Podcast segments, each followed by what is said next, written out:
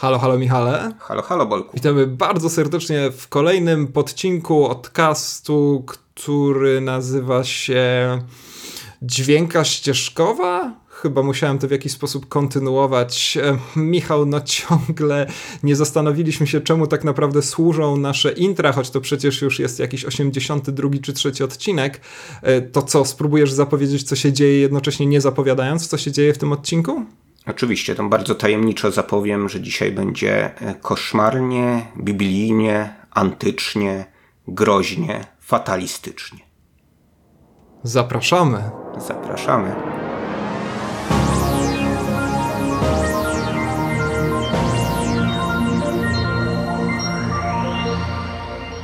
Obejrzeliśmy Zaułek Koszmarów ym, reżysera docenianego, docenianego Oscarem, reżysera Guillermo del Toro. Yy, film od jakiegoś czasu już jest w naszych kinach, więc tutaj nawet nie wiem, być może się pokusimy o jakieś spoilery, prawda? Nie, nie rozmawialiśmy o tym przed, nie ustalaliśmy, przed, nie. Przed, przed, przed nagraniem. E, Zobaczymy. To jeżeli rzeczywiście zdecydujemy się zdradzić, to mocno przewidywalne zresztą zakończenie, albo jakieś takie elementy, które rzeczywiście wpływają może na mm, odbiór fabuły, no to pewnie o tym ostrzeżemy jakimś mocnym jinglem, który was ogłuszy na chwilę po prostu, jeżeli nie chcecie słyszeć spoilerów, to w ten sposób to rozwiążemy. Tak, ale takie zastrzeżenie od razu poczynię, że fabuła w tym filmie nie jest najważniejsza. Na nie. To, to dla, dla reżysera też nie jest ważna specjalnie. Jak zwykle zresztą. To znaczy, może trochę jest ważna, no ale, y, y, ale nie, nie o to chyba Del Toro generalnie chodzi e, w kinie. E, no ale może jednak mimo wszystko od jakiegoś zarysu fabularnego tutaj, e, tutaj zaczniemy. O czym to, drogi Bolesławie, jest film? No, film jest przede wszystkim, jeżeli chodzi o treść, wielkim zaprzeczeniem swojego tytułu, bo prawie nie ma w tym filmie zaułków. Nie wiem, czy zwróciłeś, e, zwróciłeś na to uwagę, ale widzimy jeden czy dwa załuki zaledwie. I, no i jeden, jeden jest taki, tak, tak, tak, taki dosyć, dosyć znaczący, tak? gdzie, gdzie główny, główny, główny bohater yy, no, pozostawia wraz z, z takim szefem jarmarku tam tak, pewną, no pe, pada... pe, pewną postać mhm. na, na pewną śmierć, tak też można powiedzieć. Pewną postać na pewną śmierć. Tak. Dokładnie. No, w końcu nie wiem, Byle czy mam spoilować, czy nie spoilować, ale to na razie, na razie będę taki tajemniczy, no bo też film w konwencji kina Nua jest utrzymany, więc tak, tu jakaś A. tajemnica się musi czaić, prawda? Różni ludzie Słuchaj. różne tajemnice ze sobą niosą, w tym główny bohater. Mhm. Tak, słuchaj, chciałbym ci jeszcze rzucić takie wyzwanie, y, choć no tutaj y, powiedzmy, że ono będzie obowiązywać od tego momentu, to znaczy, żebyśmy nie używali tego słowa, które użyłeś przed chwilą, y, które oznacza słowo czarny w języku francuskim i zobaczymy, czy nam się uda rozmawiać o tym filmie, nie używając tego odniesienia, które pojawiło się już we wszystkich recenzjach świata. Co ty na to? Podejmujesz takie wyzwanie? No ale też trudno no, o y, podjęcie takiego wyzwania, jeżeli mamy do czynienia z filmem, który jest de facto remake'iem filmu Nua, już zepsułem. Z 1947 okay, roku, prawda? Koniec. Więc jakby nie wiem, nie, znaczy nie wiem, co to za y, założenie, y, czy to wyzwanie miało na celu z, z, z twojej strony. Chciałem znaczy, trochę uniknięcie, Okej, okay, no być może też uniknięcie pewnych kliszy, ale to się nie da uniknąć kliszy w filmie, który jest z tych kliszy który w jakiś kliszą. sposób złożony. Więc y, co, na, naszkicujesz to fabularnie, czy... Najpierw chciałem ci powiedzieć coś innego, mój drogi. Chciałem ci hmm. powiedzieć, że poczytałem trochę o etymologii słowa zaułek. Hmm, pewnie się tego nie spodziewałeś, e, bo to jest jedno z fajniejszych słów e, w języku polskim, zwłaszcza, że dość trudno je wymówić. E, zastanawiam się, jak długo będziemy w stanie powtarzać je w taki prawidłowy sposób, czyli nie zaułek, tylko zaułek. I słuchaj, powiem ci, że słowo zaułek należy oczywiście do tej samej rodziny wyrazów co ulica i etymologicznie ma związek z prasłowiańskim słowem uła, czyli wydrążenie. Forma zaułek powstała z wyrażenia za małym ułem, a teraz mój faworyt. E, nasi przodkowie znali też słowo zgrubiałe, czyli zauł. Zauł. E, I teraz bardzo żałuję, że ten film nie nazywa się Zauł Koszmarów na przykład. E, I teraz jeszcze inna ciekawostka, mianowicie popularne stwierdzenie ślepy zaułek może być pleonazmem, czy też mówiąc po ludzku masłem maślanym, ponieważ z definicji zaułek, zwany też zaułem, zawsze jest ślepy. Hmm? To, te wszystkie ciekawostki wziąłem ze strony obcyjęzykpolski.pl. Dobrze, przejdźmy do... Ja, ja, widzę, że tutaj usilnie próbujesz zrobić spin-off tego podcastu w formie jakichś właśnie językowych ciekawostek, ale no możesz tak, w ten to... sposób promo, promować swój solowy projekt. No, czemu nie y, słuchaczy y, poprosimy o komentarze na ten temat. Tak, tutaj, najpierw jeżeli, jeżeli miałbym... przysłowie o żółwiach staropolskie i, i ich ijach, ijach, a teraz poznajecie takie słowo jak zauł. Tak, no Myś, film... Myśmy, przepraszam jeszcze, mhm, jeszcze bo myślałem, że to będzie pierwszy podcast, w którym nie będziemy zaczynać od tego, że się nabijamy z tytułów, ale ja w takim razie, y, skoro postulujesz zmianę tytułu, to bym y, zmienił ten tytuł na Zgrubiałe koszmary w takim razie, jeżeli to się tak łączy z tym zaułkiem. Zgrubiałe koszmary. Tak, zgrubiały koszmar brzmi jak jakiś rodzaj koszmaru, o którym możesz e, poczytać w senniku. Zresztą sprawdziłem w senniku marzeń sennych, co oznacza, kiedy śni ci się cyrk nie ma tam jakiego takiego, takiego carnival e, amerykańskiego, no ale był cyrk. Mniejsza, mniejsza, mniejsza o tym, może do tego dojdziemy.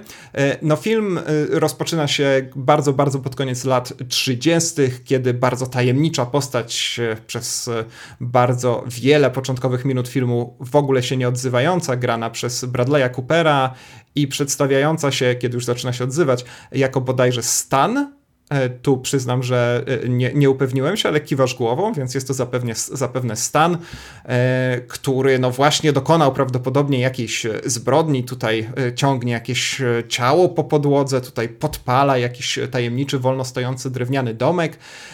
Zostaje członkiem cyrku, po prostu cyrku wędrownego. Wydaje mi się, że tutaj wciąż mamy do czynienia z, z, pewnego rodzaju trupą cyrkową, tak? Trupa cyrkowa, znakomicie, tak, tak, trupa, przecież trupa wędrowna, tak, jak najbardziej. I słowo trupa też, kurczę, trzeba sprawdzić etymologię słowa trupa, ale to może w kolejnym e, no to w następnym tak, odcinku. Serdecznie, tak, serdecznie tak, może w tym solowym. Tak, tak. tutaj y, zatrzymajmy się na tym, że w słowie trupa mamy słowo trup, które jest niezwykle istotne, ponieważ właśnie nasz bohater w końcu opuszcza tą wędrowną trupę, zostawiając po sobie trupa y, i razem z niejaką Molly, graną przez Rooney Mare, wymienioną zresztą w napisach końcowych chyba na 73 miejscu. Rooney Mara musi mieć bardzo słabą agentę, agentkę lub agenta, e, ponieważ absolutnie wszyscy drugoplanowi aktorzy po pojawiają się tam, zanim pojawi się nazwisko Rooney Mary, e, zaczyna prowadzić własny akt mentalisty, jak to się ładnie także już teraz chyba w Polsce mówi, e, dzięki bardzo skomplikowanemu systemowi szyfrów, który także trochę odziedziczył, trochę ukradł. E, teraz e, robią takie show w wielkich miastach, e, dzięki którym, no właśnie, obleczony w bardzo efektowną opaskę na oczy, Stan odgaduje, o czym niby myślą ludzie uczestniczący w jego pokazie. No ale wkrótce, oczywiście, Stan wchodzi w tą spiralę no wszystkiego co złe, od pijactwa po oszustwa, no tu nie będę starał się myśleć, co jest gorsze, ale w każdym razie, no jak to w, w takich filmach których e, nazw chciałem, żebyśmy nie wymienili, którego gatunku chciałem, żebyśmy nie wymieniali, e, no to, to fatum go dopada, prawda? I, no, i, no i toczy się, toczy się, a czy się dotoczy, no to, to zobaczycie sami po dwóch i pół godzinach chyba, chyba filmu, ponieważ jest to dzieło ogromnie obszerne. No tak, rzeczywiście, rzeczywiście niektórym e, bardzo piękne streszczenie swoją drogą. E, Dziękuję. Pochwalam, pochwalam. Mógłbym mieć taki pokaz cyrkowy, że recytuję fabuły filmów. Zrozumiałem podcast cyrkowy, że mógłbyś mieć, no, ale nie wiem, czy to się komukolwiek kiedykolwiek uda, ale no, możesz próbować oczywiście, tak tutaj różnych formatów. Okej, okay, rzeczywiście tak, zakończyłeś tym podkreśleniem, że to są, to jest dwie i pół godziny filmu, co wielu odbiorców podkreśla bardzo mocno, że te 2,5 godziny ich bardzo mocno e, znużyło, e, wynudziło, e, nawet jeżeli nie we wszystkich partiach, to zwłaszcza w tej drugiej, bo ten film się rozłamuje na takie dwie E, lokacje, prawda, którym można podporządkować to, co się dzieje w tym filmie. Ta pierwsza to właśnie ten wędrowny jarmark, o którym mówiłeś, e, ta, ta druga to już takie właśnie e, trochę życie po życiu głównego bohatera, także gdzie on się staje rzeczywiście kimś, kimś bardziej rozpoznawalnym, przede wszystkim kimś bardziej zasobnym, ale to może od tego, od tego zaczniemy. Czy ten film jest za długi twoim zdaniem? Czy ten format tego filmu taki właśnie epicki przyciężkawy dla niektórych tobie też ciążył? Nie, ja nie jestem wielkim fanem tego filmu, mm, tak post factum. E, szczerze mówiąc, wydawało mi się, że jestem w tym jedyny. Ja też nie znam Twojej opinii o tym filmie. Udało nam się zachować tę główną atrakcję podcastu, kiedy dopiero reagujemy na żywo na swoje, na swoje opinie, ale to, czego mu nie mogę zarzucić, to to, że się dłużył. To znaczy, muszę przyznać, że może ze względu na to, że ja bardzo lubię takie klimaty właśnie dawnego amerykańskiego wędrownego cyrku. No ja uwielbiam chociażby um, Something Wicked This Way Comes Raya Bradbury'ego i e, podobne, podobne wynalazki, to bardzo dobrze się wśród tych e, tajemniczych słojów, e, nadwyraz owłosionych mężczyzn i, i właśnie jakichś dziwaków e, zjadających na żywo kury e, czułem, czułem się świetnie w tym towarzystwie. E, nie zmienia to faktu, że jak starałem się na to patrzeć z jakiegoś dystansu, takim dziwnym okiem człowieka współprowadzącego prestiżowy podcast, no to trudno nie uciec przed takim stwierdzeniem, że ten film rzeczywiście jest przez pierwszą chyba godzinę taką dość dziwaczną magmą, w której w gruncie rzeczy nie wiadomo o co chodzi, w której nasz bohater trochę jak taki właśnie mm, człowiek odwiedzający wędrowny cyrk sobie chodzi od atrakcji do atrakcji, dowiaduje się różnych rzeczy. Niektóre z tych rzeczy powracają, niektóre nie i trudno tak naprawdę tu za coś złapać, więc wyobrażam sobie, że jeśli ktoś e, no, nie lubi na przykład jakichś tam właśnie mentalistycznych, iluzjonistycznych i tak dalej pokazów w filmach, jakichś tajemniczych książeczek z zapisanymi kodami, no to mógłby się tym filmem faktycznie znużyć. Niemniej tak jak mówię, to mam kilka zarzutów w stosunku do tego filmu, ale to, żeby mi się dłużył, na pewno nie jest jednym z nich. A jak u ciebie? Czy 2,5 godziny to, no to rzeczywiście jest jakiś e, zaułek koszmarów dla no. ciebie? Zauł. To jest zauł, bo jest to 2,5 godzinny film, więc zaułek to wręcz zbyt drobne stwierdzenie. E, no tak. E, ja podkreśliłem to pęknięcie tego filmu na jakieś takie dwie, mhm. dwie części i wydaje mi się, że właśnie ta pierwsza jarmarczna jest y, dużo lepsza, bo też to wydaje mi się interesuje generalnie Del Toro, tak, jeżeli spojrzymy na jego, na jego filmografię, to znaczy konfrontacja z różnego rodzaju dziwnościami i też y, dziwactwami, y, potworami. Tutaj i tak Del Toro trochę poszedł w inną stronę. Nie wiem, czy to jest konsekwencja y, Oscara, że on chciał być takim już bardziej poważnym reżyserem, czy, czy, też, y, y, czy też z zupełnie innych pobudek to, to, to, to wynikało, ale natomiast on no, ociosał ten swój film z tych elementów elementów nadnaturalnych, tak? Y, nawet je, jeżeli mamy do czynienia właśnie z tymi różnymi cyrkowymi y, dziwnościami i w niektórych momentach ażby się prosiło o wejście też w taki y, być może metafizyczny świat w momencie, kiedy pojawia się spirytualizm, tak? Bardzo modny w, w tym czasie, kiedy rozgrywa się akcja filmu no to jednak tutaj e, cały czas e, Del Toro gdzieś, gdzieś konsekwentnie pozostaje przy ziemi i te takie właśnie jego, mm, no można powiedzieć, odloty lekkie w stronę, w stronę pokazywania E, czegoś e, niestandardowego, nie mainstreamowego. Tutaj są właśnie nadzwyczaj rzadkie i tylko w tej części e, cyrkowej co jakiś czas się może, mo, może manifestują, tak? Gdy, gdy mamy, nie wiem, właśnie wędrówkę z kamerą poprzez właśnie te namioty cyrkowe, gdzie jak wcześniej wspomniałeś są słoje z różnymi różnymi no nienarodzonymi bądź, bądź wczesno, wczesnonarodzonymi istotami, tak? No bo to nawet nie tylko ludzkie istoty tam są. E, po, Chyba, no to po, po, pośród wiemy, tego wszystkiego, tak. tak? I nawet jeżeli one wyglądają e, niektóre no, bardzo dziwacznie, są dziwacznie zdeformowane, no to wciąż jednak gdzieś, e, gdzieś można tutaj taki klosz realizmu cały czas, cały czas przyłożyć do tego, do tego filmu. No a wydaje mi się, że, że potem tak, to tylko, mhm. tylko wtrącę, y, przeszkodzę ci na dosłownie momencik, bo no to jest według mnie duża też y, zaleta tego filmu, bo na przykład y, przed czymś takim Del Toro się nie powstrzymał 7 lat temu, kiedy kręcił Crimson Peak e, i przez to gdzieś tam ten film trochę jednak siadł. A tutaj faktycznie to skupienie się na naturze ludzkiej, pytanie czy rzeczywiście odpowiednio zajmujące, ale jednak jest zdecydowanie lepszą opcją niż to, gdyby tam za światów rzeczywiście jakaś ręka naprawdę położyła nam się na mhm. ramieniu.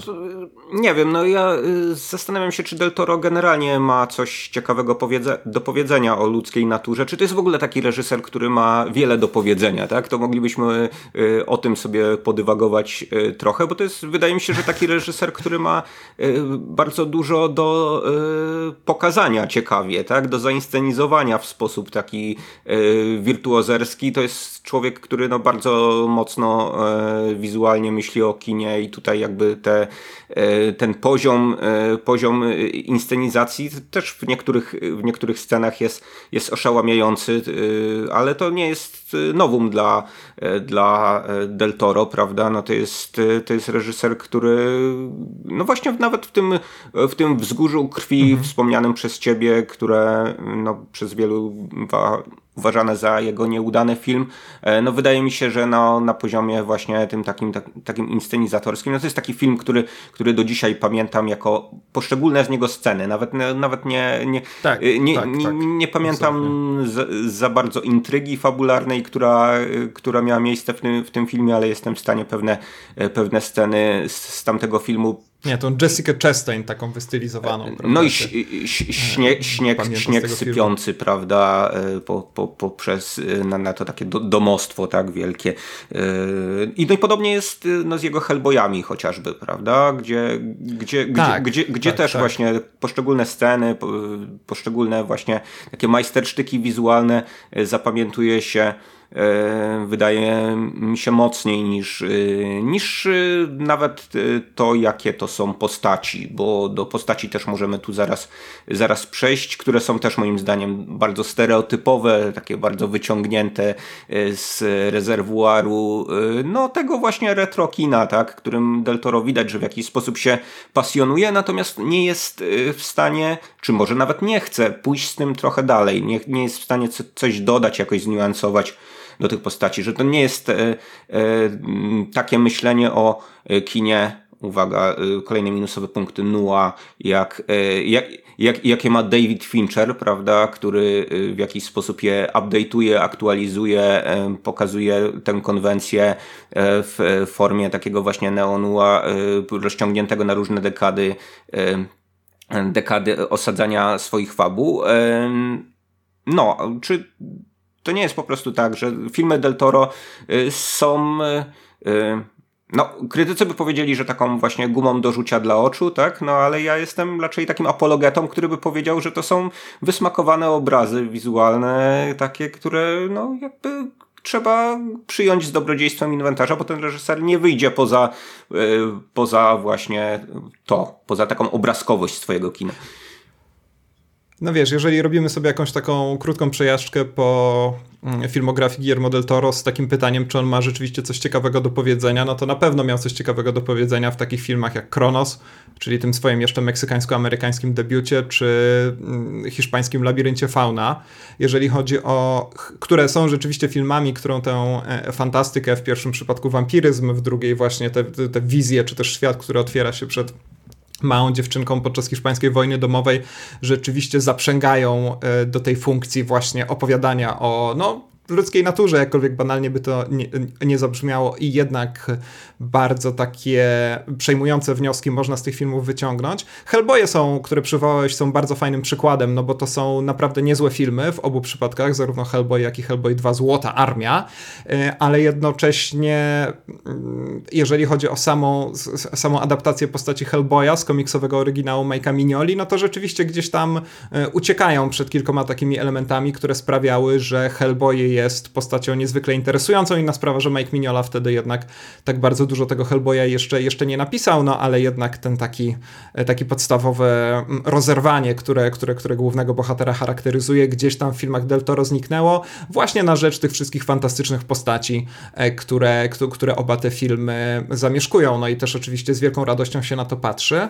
E, ja też jestem mm, absolutnie za tym, żeby nie traktować tego otwarcie jako wadę, ponieważ kino to jest jednak przede wszystkim medium dla oczu i chciałbym, żeby ktoś tymi mojami, moimi oczami się zaopiekował, żeby podszedł, pogłaskał je e, i Del Toro rzeczywiście coś takiego wyczynia. Gorzej, kiedy rzeczywiście wyraźnie chce opowiedzieć jakąś przejmującą historię, tak jak w za, Zaule e, Koszmarów i to wtedy nie do końca się udaje, podobnie zresztą właśnie w, w Crimson Peak, więc no i jeszcze oczywiście to jest, to jest też dobre, mm, na co zwróciłeś uwagę, że teraz mamy tak naprawdę, no chyba pierwszy, tak, film Del Toro po tym, jak otrzymał Oscara za kształt wody i mam, miałem w ogóle wrażenie oglądając Zału Koszmarów, że to jest no taka bardzo podstawowa historyjka, która ze względu na to, że kręci ją Oscarowy twórca, została wywindowana na bardzo wysokie poziomy, także jeżeli chodzi o budżet. I z, jak, z, jakąś taką przyjemnością, może, może lekko perwersyjną, ogląda się taką właśnie niezwykle banalną historię, która nawet nie jest jakoś rewelacyjnie opowiedziana, y, jednocześnie właśnie wypatrując kolejnych gwiazd, oglądając, zwłaszcza na poziomie scenografii, ile budżet jest w stanie osiągnąć y, i tak dalej. To jest trochę film, który, który, który dzięki temu też w jakiś sposób się E, się broni, choć no znając Del Toro, pamiętając jego początki jeszcze w Guadalajarze, pewnie nawet bez tego budżetu byłby to w stanie zrobić w taki sposób, żeby przynajmniej dla oczu rzeczywiście było to e, miłe i E, sympatyczne w dotyku, choć lepiej oczywiście swoimi oczami niczego nie dotykać, a zwłaszcza mm, ekranu kinowego, bo jest brudny, a jest epidemia COVID-u, więc uważajcie na siebie. No właśnie, on mm. sobie na tym poziomie wizualnym wydaje mi się świetnie radził bez tych wielkich y, hollywoodzkich pieniędzy. To nie było tak, że jakoś, y, jakoś bardzo mocno mu do, doskwierało y, to, że robi filmy w mniejszych budżetach i z, z mniejszą liczbą rozpoznawalnych twarzy. Pytanie, czy to mu w jakiś sposób zaszkodziło, czy czujesz po prostu tutaj też właśnie jakąś taką, nie wiem, producencką presję wielkiego widowiska i, i w związku z tym właśnie przez to jest to jakiś taki Deltoro w wersji, w wersji light, bo on nawet jeżeli tutaj właśnie dysponuje tymi um, rozpoznawalnymi, znanymi e, aktorami, e, uznanymi gwiazdami wręcz, tak, no to jednak o, o, obsadza je w taki dosyć właśnie standardowy mhm. sposób, taki gdzieś y, y, związany z ich, y, z, z, ich jakimś tam emploi i no i też wpisuje, tak jak wcześniej powiedziałem, po prostu w takie stereotypiczne postaci, które, które zasiedlały właśnie tę,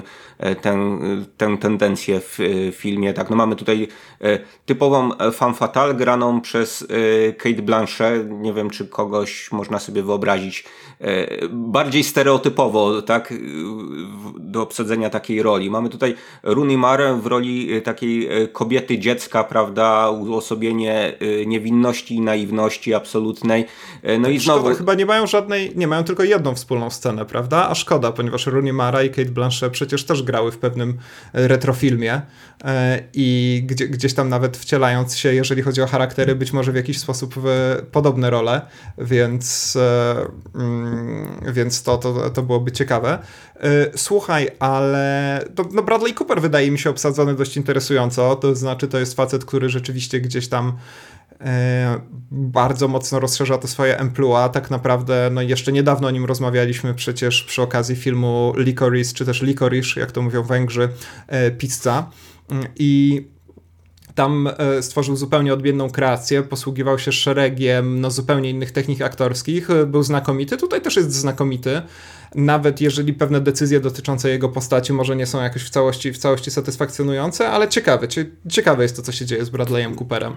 Znaczy, Naprawdę, po, z przyjemnością po, go oglądam. Po, powiem tak, no jest dobry jak na Bradley'a Coopera, bo ja nie cenię jakoś bardzo wysoko umiejętności aktorskich Bradley'a Coopera, natomiast yy, no, pewnie te kontrowersje, o których wspominasz, to pewnie związane z jego wiekiem głównie, tak? I tym, no bo to, to, to jest też taki zarzut, który się często pojawia. A to nie myślałem w, o tym nawet. W stosunku do tego, do tego filmu, tak, tak, dokładnie, że tutaj mamy do czynienia trochę z takim e, formowaniem się e, właśnie e, chłopaka w mężczyznę, tak, tak się wydaje przynajmniej z tych relacji, jakie on tam zawiązuje w tym jarmarku, prawda? Mhm. ma tego starszego mentora Pita, też oni trochę tak się do niego tam zwracają wręcz, tak? Mówią do niego per kid, czy chłopcze, tak? No, Nie wiem, czy to no jest... tak, ale starsi ludzie do wszystkich mówią per chłopcze, więc e, no, może... No nie wiem, do, do znaczy mnie nie do wszystkich, do nikt nie mówi chłopcze, no, nad czym trochę boleję, no, a, a trochę może nie. Musisz zacząć wychodzić z domu.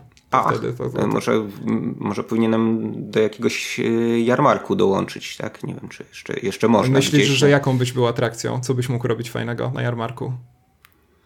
Mm. Hmm. Hmm.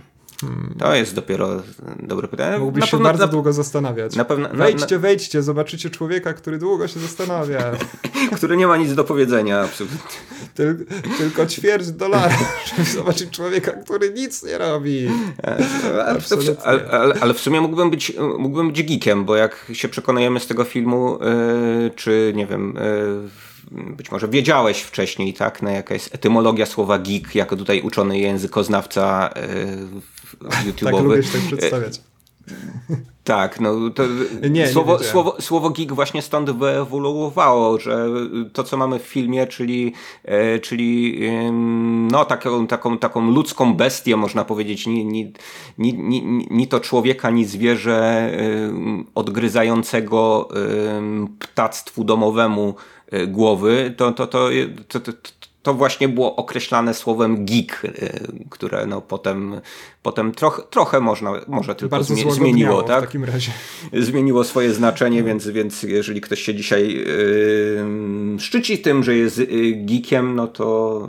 Yy, to zastanów się nad sobą. Tak, tak, tak. Do, do, do, dokładnie, dokładnie. E Dobra, wróćmy jeszcze rzeczywiście do tej obsady, bo ona nas e, bardzo fajnie może też prowadzić e, do, no właśnie, do tych schematów, o których cały czas opowiadamy, trochę na nich, na, trochę na nie narzekamy, ale tak naprawdę jeszcze nic nie powiedzieliśmy. Ja chciałem zwrócić uwagę tylko na pewną ciekawostkę, to znaczy w tym filmie, tak samo zresztą jak e, w minimum jednym, bo w Pacific Rim, poprzednim filmie Del Toro, gra Clifton Collins Jr., on tutaj pojawia się tylko w dwóch czy trzech kadrach, dosłownie na moment, ale to jest facet, który wygląda jak młody Willem Dafoe.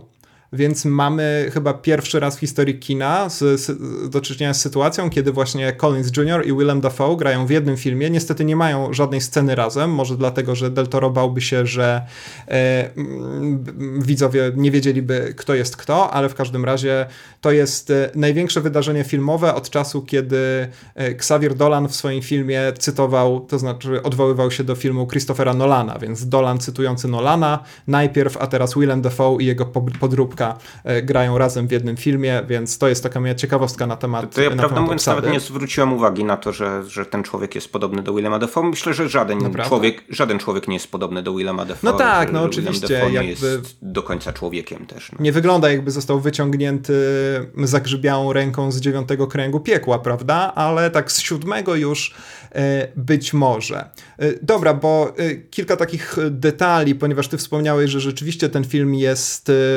powiedziałeś, że jest remake'iem e, filmu z 1947 roku. Pewnie gdzieś tam warto dodać, że jest też e, adaptacją, czyli to jest znowu takie pytanie, z którym kilka razy się mierzyliśmy w tym podcaście, czy ten film jest remake'iem, czy raczej kolejną adaptacją e, książki Williama Greshama. I e, faktycznie, no, jeżeli chodzi o ten remake, to e, z Tyronem Powerem bodajże, o ile pamiętam, e, w roli głównej, no to tam mamy do czynienia chociażby z trochę innym zakończeniem, no i tam jednak też okresem takiej jakiejś autocenzury i tak dalej, więc było troszkę, troszkę trudniej. E, ale, ale rzeczywiście, no być może przez to zakorzenienie, no bo książka z 46 roku, tamten film z 47 roku, e, Tyrone Power zresztą, jak sobie gdzieś tam kiedyś wyczytałem, e, namówił studio do nakręcenia tego filmu po to, żeby wyrwać się z tego, z czym możecie go kojarzyć, jeśli w ogóle kojarzycie Tyrona Powera, z takimi, z, tak, z takimi rolami bardziej klasycznymi amancko-męskimi, że tak powiem, no i to rzeczywiście w tym filmie się udało, chociaż no nie jest to jakaś wielka, e, nie był to jakiś wielki przebój, to rzeczywiście do dzisiaj gdzieś w takich najlepszych cyklach kina czarnego możecie, możecie, możecie ten film spotkać, mimo że trupów tam prawie nie ma, gangsterów nie ma tam niemal zupełnie, a nawet w ogóle, zresztą podobnie jak w tej wersji Del Toro. No i właśnie, to pogadajmy troszkę o tych e, kalkach. Dla mnie, powiem szczerze, ten zauł koszmarów e, Del Toro trochę przypomina jednego z tych stworków które, przepraszam, że tak brzydko powiedziałem, e, które tam e, bohater grany przez Willema Dafoe trzyma w słojach, prawda, zakonserwowanych w alkoholu, e, które możemy sobie oglądać i które gdzieś tam rzeczywiście przez chwilę fascynują, mogą dostarczyć jakiegoś dreszczyku, mogą rzeczywiście przykuć uwagę na dłużej, na czele z tym Enochem oczywiście, z trzecim okiem wyrastającym na środku czoła. To jest pewnie bardzo symboliczne dla całej wymowy filmu, ale może jeśli będziemy chcieli o tym rozmawiać, to zaraz. I ale no faktycznie mam trochę wrażenie, że ten film jest bardzo mocno zakonserwowany. Fajne jest to twoje porównanie do Finchera, który jednak podobne wzorce stara się trochę uwspółcześnić. E, tutaj miałem, i to nawet nie chodzi o pewne przenoszenie do współczesności i tak dalej, ponieważ mnie ten e, moment czasowy, kiedy załóg koszmarów się wydarza, bardzo ekscytuje. To jest, to jest fantastyczny czas, e, jeżeli chodzi o umiejscowienia tam różnych, umiejscowienie różnych historii, ale rzeczywiście no troszkę się czułem, trochę właśnie jak oglądając Enocha w słoju, a trochę jak oglądając ostatni film Wes Andersona, chociażby o którym sobie nie rozmawialiśmy, i też nie znam Twojej opinii na ten temat, ale też, no, gdzie ten styl jednak zdecydowanie przeważa nad substancją, gdzie e, faktycznie mamy do czynienia z czymś, co jest kompletnie oderwane od tego, co dzieje się wokół, choć pewnie w praktyce nie jest, no bo wiadomo, że wszystko jest polityczne, nawet nieświadomie. E, niemniej e, troszkę miałem takie uczucie niczym no, bohaterka labiryntu fauna wręcz, to znaczy ucieczki do jakiegoś niebezpiecznego, ale jednak świata fantazji. I nawet jeżeli mm, załóg koszmarów prezentuje bardzo konkretne, uniwersalne problemy dotyczące natury ludzkiej, nawet nie problemy, co jakieś takie cechy charakterystyczne, o których pewnie zaraz, no to jednak troszkę czułem tutaj pewne oderwanie, choć to niekoniecznie jest złe. To znaczy, muszę przyznać, że z jakąś taką przyjemnością, to wspominałem na początku na naszej rozmowy, się w tym wszystkim zanurzałem. Niemniej nic z tego filmu we mnie nie zostało. E, I to jest chyba mm, taka kwestia, która powstrzymuje mnie przed stwierdzeniem, że rzeczywiście obejrzałem film naprawdę dobry. Nie mówiąc już o jakichś arcydziełach, do poziomów przecież jakich nie, niektórzy krytycy ten film wynoszą. Uff, mhm. się no nagadałem. To, się... to byłby mój też pokaz na karnawale. To byś był człowiekiem, który ciągle się zastanawia, a ja bym był człowiekiem, który bez przerwy gada. Okej, okay. no to pewnie lepiej byś się sprawdził jako taki zapowiadacz, tak? Różnych, różnych numerów, mniej lub bardziej popisowych. Myślę, że tylko, znaczy, żebym zagadał nie... główny występ. E, tak, tak, tak. No, nie, nie pokuszę się o stwierdzenie, że jesteś e, takim ściemniaczem, jak tutaj Bradley Cooper w tym filmie. No, ale, Boże, ale, ja jestem poważnym człowiekiem. E, tak, ale to, ale, ale to też, też znamienne, może od tego, od tego byśmy zaczęli, bo ty mm, chociażby rozpocząłeś od tego, że zaczynamy niemalże z niemym bohaterem, I to jest rzeczywiście też trochę jego taki, y, takie origin story, prawda, że on się tam y, na początku bodaj przez kwadrans nie odzywa, gdzieś tam wykopany z jednego namiotu, zarazem zostaje zaangażowany do całej, do całej trupy cyrkowej. Trochę, tro, tro, trochę jest na zasadzie takiego bezwolnego popychadła, tak, w pewnym momencie umiejscowiony.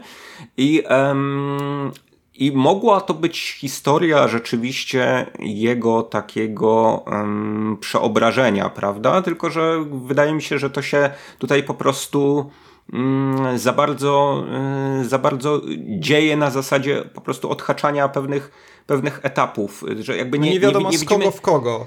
Nie znaczy, wiadomo w kogo, ale nie wiadomo z kogo, tak mm -hmm. bym mhm. powiedział. E, znaczy, no nie, jakby przynajmniej dla mnie no, ten proces e, właśnie nauki, proces jego, jego, jego mm -hmm. przemiany e, tutaj nie jest też moim zdaniem przez, przez Del Toro jakoś, jakoś dobrze, dobrze pokazany. To są po prostu jakieś epizody, które decydują o tym, że on się staje kimś innym, prawda? To, że on właśnie gdzieś tam zauważa bohaterkę Rooney Mary i i no, gdzieś tam ma się rodzić uczucie pomiędzy, pomiędzy nimi, no to jest też tak, taka, taka tylko sugestia, prawda? To są takie właśnie...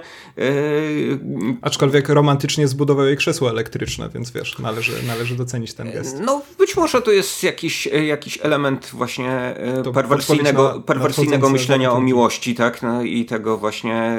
No ale to znowu jakby powrót do Del Toro i też myśleniu o związku pomiędzy właśnie niewinną dziewczyną a potworem, tak? To, to, co jakby, tak, po raz co, jakby zawsze mhm. gdzieś tam u niego, e, u niego miejsce, e, tutaj tym, tym, tym razem ludzkim potworem. Tak? E, natomiast właśnie trochę jak na fabułę dwójpółgodzinną właśnie brakuje mi tego procesu, prawda, który wydaje mi się, że był tutaj osią jednak ca całej fabuły, znaczy powinien być. To znaczy, że startujemy z, z bohaterem, który jest w zasadzie nikim, prawie, no on jest na zupełnym dnie, tak? Jeszcze y, zaczyna to się od, y, możemy się domyślać, że mordu założycielskiego, y, takiego dla jego, dla jego postaci. No i potem on, on, się, on się uczy, tak, różnych rzeczy, gdzieś się tam pnie wzwyż, no i można powiedzieć, że pycha go gubi, tak, więc to też taka fatalistyczna opowieść trochę właśnie tak. wy, wyciągnięta z tego klasycznego kina. Kla klasyczna, pod, fatalistyczna. Tak. Pod, pod tym względem dla mnie to też jest gdzieś tam ciekawe, y, bo jednak y, wydaje mi się, że dzisiaj y, stosunkowo też niewiele mamy tego typu opowieści, no może w serialach, gdzie antybohaterstwo zaczęło właśnie dominować tak, nad tymi takimi bohaterami pozytywnymi. Taki, chodzi mi o takie historie właśnie, w których, w których właśnie główny bohater zostaje właśnie naznaczony niejako tym, że mimo że coś uda mu się osiągnąć, no to ostatecznie, e, ostatecznie czeka, czeka go klęska, czeka, czeka, czeka go zguba. Wydaje mi się, że tutaj mamy do czynienia no, z takim e, bardzo ostentacyjnym odwróceniem American Dream i jeżeli właśnie ten, ten koszmar z tytułu chociażby mamy jakoś, e, jakoś e, uzasadniać mocniej, no to nie chodzi o te właśnie za, załuki e, w cyrku, prawda, gdzie pośród tych słojów też właśnie jakieś tam koszmarne rzeczy się czają, tylko no Trochę chodzi pewnie o umysł bohatera, też pewien, tak, pełen takich porzuconych załuków, w których, w których różne koszmarne myśli się e, czają, a trochę, e, trochę chodzi e, na poziomie głębszym, jakimś egzystencjalnym e, o to, że no ten American Dream, jaki sobie wyśnił główny bohater, no to jest tak naprawdę taki amerykański koszmar, tak? Te sny o, sny o potędze, władzy, bogactwie, no to wszystko go gubi, tak? Chciwość, pycha, więc można powiedzieć, że pod tym względem to też jest swego rodzaju jakaś taka biblijna opowieść, wręcz taki moralitet, prawda? No tutaj tak, ten tak, Eno, tak. Enoch, Enoch obserwujący wszystko by na to, na to wskazywał. Ja nie jestem jakimś biblioznawcą, więc za dużo o postaci Enocha nie jestem w stanie powiedzieć, poza tym, że wiem, że on tam żył bardzo długo, tak? To był jakiś taki długowieczny jak Matuzalem, jakaś taka postać, więc zakładam, że przez to on tam tkwi, egzystuje i obserwuje, obserwuje wszystko dookoła. Być może coś się tutaj jeszcze da da z tego, z, tego symbolicznie więcej wyciągnąć, a z drugiej strony mamy no, postać pani doktor Kate Blanchett, która ma na imię Lilith i to też jest y, tak, imię jest, z, z, z, Biblii wyciągnięte, oczywiście naznaczone w przeciwieństwie do Enocha e, absolutnie, e, absolutnie negatywnie jako właśnie, e, no więc tutaj jakby podkreślenie jej roli w tej jako doprowadzającej do zguby e, głównego bohatera poniekąd no to też jest, te, też jest, też jest przez, to, przez to wzmocnione. No i nie wiem, no ten, te, i ten film e, no pod, tym, e, pod, tym, pod tym względem być może staje się wręcz jakiś taki e, patetyczny, tak? Tutaj moglibyśmy mogli, moglibyśmy nad to dywagować, czy to, czy to nie jest tak, że, e, że Del Toro po prostu ze, ze swoich takich baśniowych fantazji e, skręca w innego rodzaju fantazję, którą stara się jakoś, jakoś podbić, e, podbić symbolicznie, no ale że to jest taki właśnie balon po prostu nadmuchany z którym coś tam, coś tam może się w tym balonie jeszcze da znaleźć, ale no, ale, ale, ale czy, czy, jest, czy jest w tym jakaś substancja jeszcze twoim zdaniem? No właśnie to może zacznijmy od tego, o czym mówiłeś e, na początku. Równie długiej, imponującej wypowiedzi, więc mógłbyś występować w konkurencyjnym cyrku może e, do tego, w którym ja występuję, ale właśnie wspominasz o tym, że ta, ta przemiana głównego bohatera jest taka bardzo niejasna, tak, taką grubą kreską nakreślona, gdzie właściwie mamy tylko do czynienia z odhaczaniem pewnych rzeczy, no i to jest pewnie główna taka przeszkoda, żeby tym filmem przejąć się na dłużej. No dla mnie to postać Lilith właśnie granej pani doktor doktor granej przez Kate Blanchet jest takim e, przykładem osoby, która po prostu postaci, której twórcy po prostu odhaczają te elementy klasycznej femme fatale, prawda?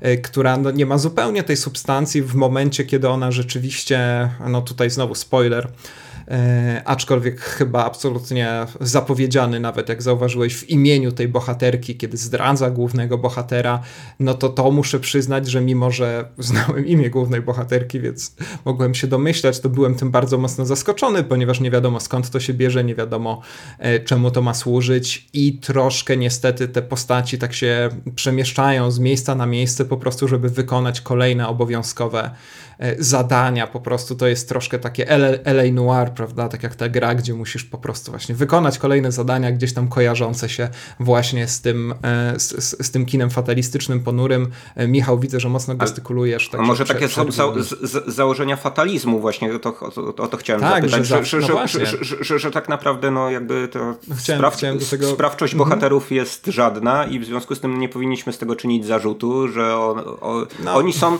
że, że tutaj jakby Del Toro no jakby cofa się gdzieś do tych takich pierwotnych y, założeń, tak, y, no wręcz można powiedzieć antycznych, tak? Że, że to jest mhm. antyczny film i w związku z tym no posługuje się takimi figurami, prawda? Które, które, no wiesz, to... które reprezentują pewnego rodzaju mhm. cechy tylko, tak?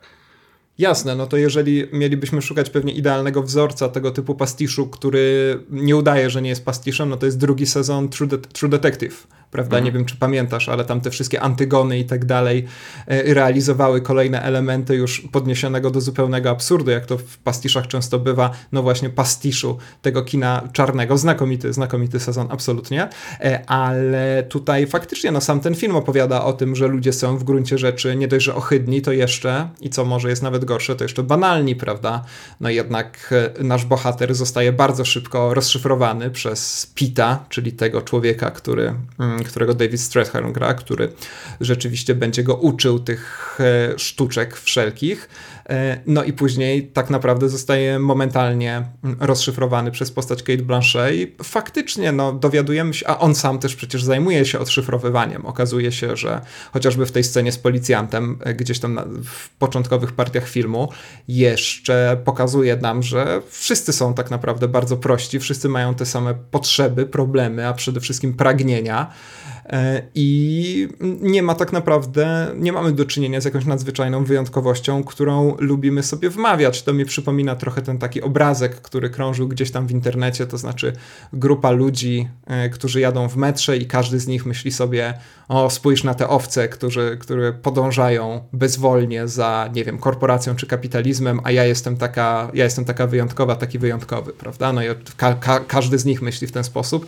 No i poniekąd o tym jest e, ten film. Jasne, że e, to wszystko prowadzi tak naprawdę do miejsca gdzieś tam z góry, no właśnie, tak jak uczyła, uczyły nas jeszcze antyczne dramaty, tak naprawdę zaprogramowanego przez fatum, przez jakieś złowrogie, tajemnicze bóstwo, e, czy cokolwiek innego. Oczywiście, że tak, E, aczkolwiek nie... ja też do...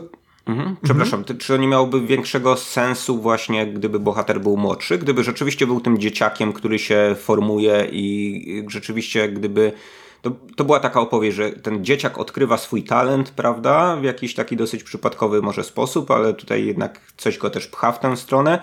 E, no i, no i wiadomo, no, że to właśnie te cechy, o których wcześniej wspomniałem, negatywnego, e, go w pewnym momencie doprowadzają do zguby, no a po prostu wiadomo, że pewne, pe, pewne postacie no, są tylko jakimiś takimi mm, e, takimi no nieuchronnymi jakby, y, czy tak, no nieuchronnymi wysłannikami, nie wiem, bogów być może, no, jakimiś takimi właśnie figurami, które, które muszą się pojawić, które musi, musi on ostatecznie gdzieś spotkać na swojej drodze, bo gdzieś no, z, z, za bardzo się do tego, y, do tego blasku zbliżył, a to nie, a to nie dla niego było, tak? No też weźmy tego, tego miliardera, z którym on się tam konfrontuje, który, który no trochę jak taki właśnie yy, yy, jest jak, jak, jak właśnie taki, ta, taki Bóg ze starożytnych mitów, tak? Gdzieś tam, gdzieś tam żyjący na tym swoim odosobnie, odosobnionym Olimpie, prawda? Ale jednocześnie taki ludzki trochę też, bo złamany, prawda? Więc, więc, więc może tak, rzeczywiście... Tak, tej fantazyjnej konstrukcji e, architektonicznej to jest zresztą e, fantastyczny fragment. I e, jeszcze, Znowu, jeszcze, tylko, jeszcze jedna tylko rzecz, na którą, na którą jakoś wpadłem teraz, Dajesz. bo no, Lilith była utożsamiana z, z pożeraczką dzieci, tak? W tej takiej właśnie żydowskiej zwłaszcza mitologii. I, no i właśnie, gdyby on był dzieciakiem, no to może właśnie wtedy, wtedy to imię ma jeszcze większy sens, prawda? No, y- że, dlatego on jest tym mhm. kidem, tak? Że ona jest właśnie tą Lilith, która tego, te, tego kida ostatecznie zje, prawda? Być może tutaj y- odpływam za daleko, ale, ale, ale dla mnie właśnie ten, ten, ten, ten film może się bardziej by składał. Pytanie, na ile to jest świadome, tak? Ze strony no właśnie, a, na, a na ile to jest gdzieś być może w pierwowzorze książkowym, którego nie, niestety nie czytałem i, i Del Toro tylko bierze po prostu pewne rzeczy y, no też tak jakoś bezwolnie z, z książki je pożycz, pożyczając i nie, nie przemyślawszy za bardzo, że to tam, że to, to tam jest.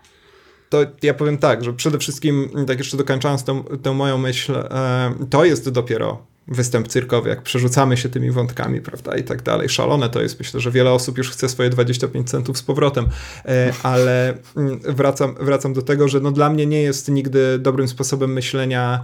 E, ten film jest banalny i w sumie nieszczególnie interesujący, ale to dlatego, że opowiada o banałach i tak naprawdę niezbyt odkrywczych, porywających rzeczach. No to nie jest dla mnie, za, dla mnie w, każdym, w, w każdym przypadku e, dobre usprawiedliwienie. E, kwestia tego wieku Bradley'a Coopera, ja tutaj nie mam problemu z jego wiekiem, ponieważ wyobrażam sobie, że no w każdym wieku można iść gdzieś tam szukać siebie i tak naprawdę no już grubo po 40 tak naprawdę odkryć swoje prawdziwe powołanie.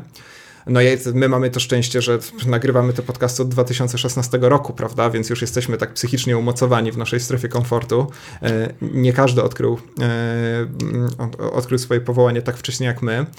Ale no tak, ale też myślisz, myślisz 21-wiecznymi kategoriami, a nie, a nie tymi sprzed 75. Nie, to znaczy ja sobie wyobrażam taką sytuację, w której on rzeczywiście jest tam umocowany przy ojcu, a właściwie uwięziony przy ojcu w ten sposób, że po prostu nie może, e, nie może go opuścić, jest gdzieś tam rozerwany między potrzebą odejścia od tego ojca, który rzeczywiście jest jakąś perfidną, obleśną postacią, a jednocześnie e, no, czuje mm, jakiś synowski obowiązek, tylko że znowu wolałbym to zobaczyć po prostu. I w to jak y, gdzieś tam wtrącałem, kiedy ty opowiadałeś o postaci Bradley'a Coopera, że widzimy e, w kogo on się zmienia, ale nie widzimy z kogo, prawda? On jest mhm. po prostu taką jakąś dziwaczną magmą, e, która gdzieś podróżuje między tymi namiotami cyrkowymi, robi tam różne rzeczy, właśnie tu sobie wybuduje krzesło, tu nauczy się jakichś sztuczek, no i nagle rzeczywiście znajduje swoje powołanie, ale on, on w tym momencie mnie w ogóle nie interesuje, prawda? Ja, ja nie jestem zafascynowany tą jego drogą, ponieważ po pierwsze wiem, gdzie dotrze, a po drugie nie wiem, gdzie zaczynał. I to jest dla mnie większy problem niż. Jego wiek by to w jakiś sposób, gdyby on był młodszy, no to jakoś by to było rzeczywiście, to byłby taki skrót, tak? No bo wiemy, że to jest na przykład 17-latek, więc on faktycznie, nie wiem jak było w książce też, e, w filmie, no z Powerem też tak nie było na pewno, ale żeby rzeczywiście to był 17-latek, no i wtedy wiemy, że to jest osoba jeszcze, nawet jeżeli naznaczona przez życie i tak dalej, bo to oczywiście jak najbardziej niestety może się wydarzyć, no to jednak ciągle gdzieś tam chłonąca ten świat, szukająca siebie, kształtująca siebie. E, I o tym nie, nie trzeba mówić, prawda? Mm, tak, tu rzeczywiście mamy takie miga, migawki tylko z, z, przeszłości bohatera, takie bardzo krótkie retrospekcje i to y, no, wszyte no, gdzieś tam no. w, w późną część filmu, a przecież to jest film, y, no jak teraz sobie tak o tym uświadamiam, gdzieś na, na, tym, na, na, na tym poziomie symbolicznym znowu y, o potrójnym ojcobójstwie tak naprawdę. Tak, no tak, chyba, chyba trzeba byłoby o nim, y, o nim powiedzieć, że, że zaczyna się od mordu założycielskiego na tym Szukam ojcu, tego oj, ojcu mhm. właściwym, potem jest ten ojciec przyszy, przyszywany mentor, tak, mhm. i tutaj mamy do czynienia z nieświadomym zabójstwem, a potem mamy, do, potem mamy e, te, tego takiego właśnie e, znowu ojca wszystkich ojców, jak, jak, jak wcześniej powiedziałem, jako siedzącego właśnie w swoim Xanadu miliardera, takiego trochę obywatela Keina. I to jest ten poziom chyba aspiracji yy, samego, samego Stana, tak, samej postaci yy, Bradley'a Coopera, więc ja bym ja bym to, to w ten sposób w, te, w, te, w ten sposób traktował, że on po prostu za każdym razem jest nie powiem zmuszony, no on, on jakby przekuł temu, żeby konfrontować się jednak e, z, z, tymi, z, z tymi swoimi ojcami, prawda, Sym, symbolicznymi. Tak, czyli trochę przeczysz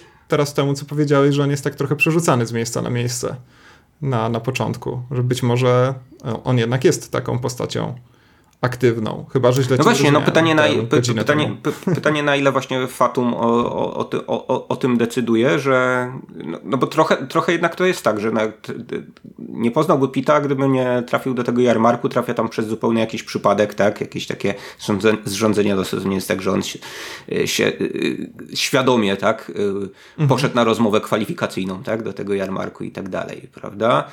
E, I potem, e, potem to, e, ta, ten sam finał, gdzie on właśnie konfrontuje się z tym, z tym miliarderem, no to też jest, to też jest kwestia bardziej, bardziej tego, że on, no on nie szukał tej postaci, tak? No, ta postać go jakoś znalazła, prawda? No jakby, jakby los, los się skrzyżował, więc tutaj jak być może ten właśnie tarot jest taki najbardziej symboliczny, prawda, który bohaterka Toni Collette Zina tam y, ustawia dla, y, dla głównego bohatera też y, no, jakby podkreślający właśnie to, o czym wcześniej powiedzieliśmy, no, że, ten, że ten bohater jest właśnie obciążony pewnymi rzeczami, że on się gdzieś tam szarpie, że on tam prze, on ma jakieś swoje właśnie ambicje i wydaje mu się, że, i, że jest w stanie siebie formować, jest w stanie tak, być takim self-made manem, mhm. ale yy, no, los pokazuje mu tutaj figę i no i wiadomo, że jak to się musi skończyć, prawda?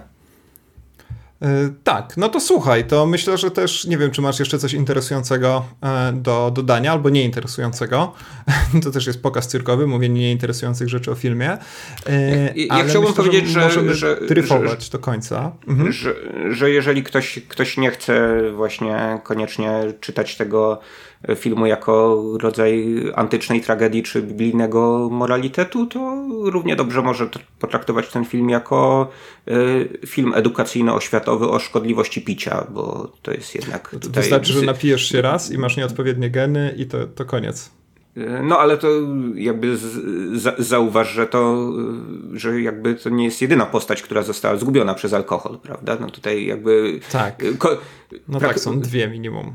No większość trupów trzy, tak, trzy, tak naprawdę, które tutaj tak. padają, no to, to, to, to nie są właśnie trupy z broni palnej, tak? Czy tylko takie, które alkohol po, pokonał. Tak, no, to znaczy, muszę przyznać, że to też był jakiś taki mój problem mm, właśnie z pewną oldschoolowością tego filmu, to znaczy, kiedy właśnie ta złowroga kusicielka Lilith e, w końcu pozwala napić mu się tej, mm, to chyba była whisky e, i, i no to, o panie, już, to już koniec, no, żegnamy, prawda?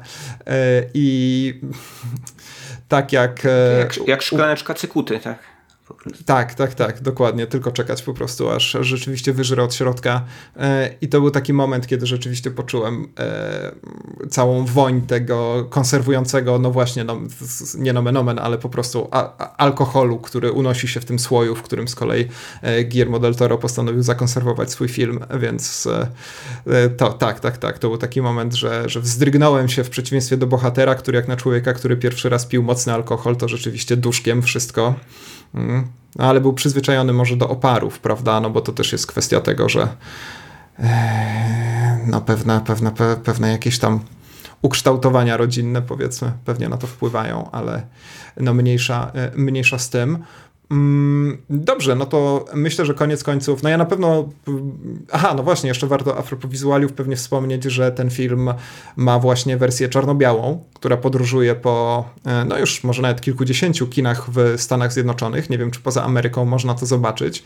Być może ta wersja czarno-biała sprawiła, że film dostał nominację za najlepszy film, bo przecież o, nagrywamy chwilę po nominacjach Oscarowych, ale po przyznaniu żółwi wydaje mi się, że te nagrody już no, zostały jakby ostatecznie ośmieszone, e, więc nie wspominamy zbyt dużo o nominacjach Oscarowych. E, Załóg koszmarów jest z tej kategorii filmów, które mnie zawsze trochę drażnią na Oscarach, to znaczy dostaje nominację za najlepszy film, ale nie dostaje za najlepszą reżyserię, za najlepszą rolę e, i tak dalej, bo on tam chyba dostał jeszcze za scenografię, i, no, no Del Toro już swojego Oscara za reżyserię, reżyserię ma, ale tak, ciekawy, cie, ciekawy przypadek, na który zwróciłeś uwagę, bo wcześniej Parasite miał właśnie tak prawda, że miał też czarno-białą mhm. kopię, nawet jakieś pojedyncze seanse w Polsce się odbywały tego, w Polsce były, tak. tego mhm. typu, więc y, zastanawiam się, czy rzeczywiście nam się jakaś, jakaś mini tendencja tutaj, y, tutaj rodzi, y, gdzie te filmy, fi, filmy czarno-białe nie, no, so, są jakimś, nie wiem, dowartościowaniem dodatkowym. Tak? Nie rozumiem tego zwyczaju. Danego filmu. Serio, jeżeli kręcisz na czerni i bieli, to jakby od początku bierzesz wszystko pod uwagę, na czele z oświetleniem, kolorami kostiumów i tak dalej.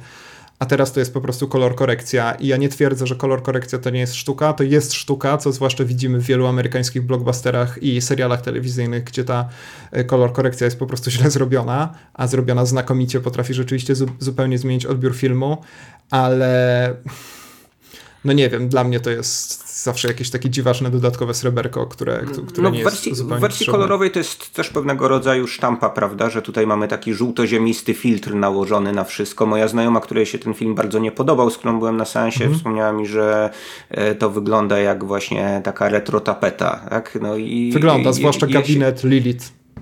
Ja się, mm. ja się jestem w stanie z tym zgodzić. Powiedziałbym wręcz, że ten film y, no niejako trochę wygląda jak taki zbiór retroplakatów z Empiku, tak? Ale to znowu nie jest nie jest, nie jest dla mnie jakiś ten, jakiś taki bardzo duży zarzut, bo ja sobie lubię takie plakaty poprzeglądać czasami. Czasami na takie retrotapety też warto, warto spojrzeć, żeby y, wzrok złapał trochę inną, inną fakturę obrazu, no ale, ale, ale znowu no też możemy tutaj y, powiedzieć, że mamy do czynienia z pewnego rodzaju y, kliszą, prawda, tym razem kolorystyczną, podczas gdy Del Toro gdzieś tam w tych swoich najlepszych filmach przyzwyczaił nas do tego, że to jest są jednak dzieła o takiej właśnie bardzo wysmakowanej kolorystyce i też myślenie o tym, jak bardzo na przykład, nie wiem, y, niebieskawy może być świat kształtu wody, czy jak bardzo zielone mogą być pewne partie y, Hellboya Złotej Armii, prawda, czy, czy jak bardzo czerwone może być w pewnym momencie wzgórze krwi.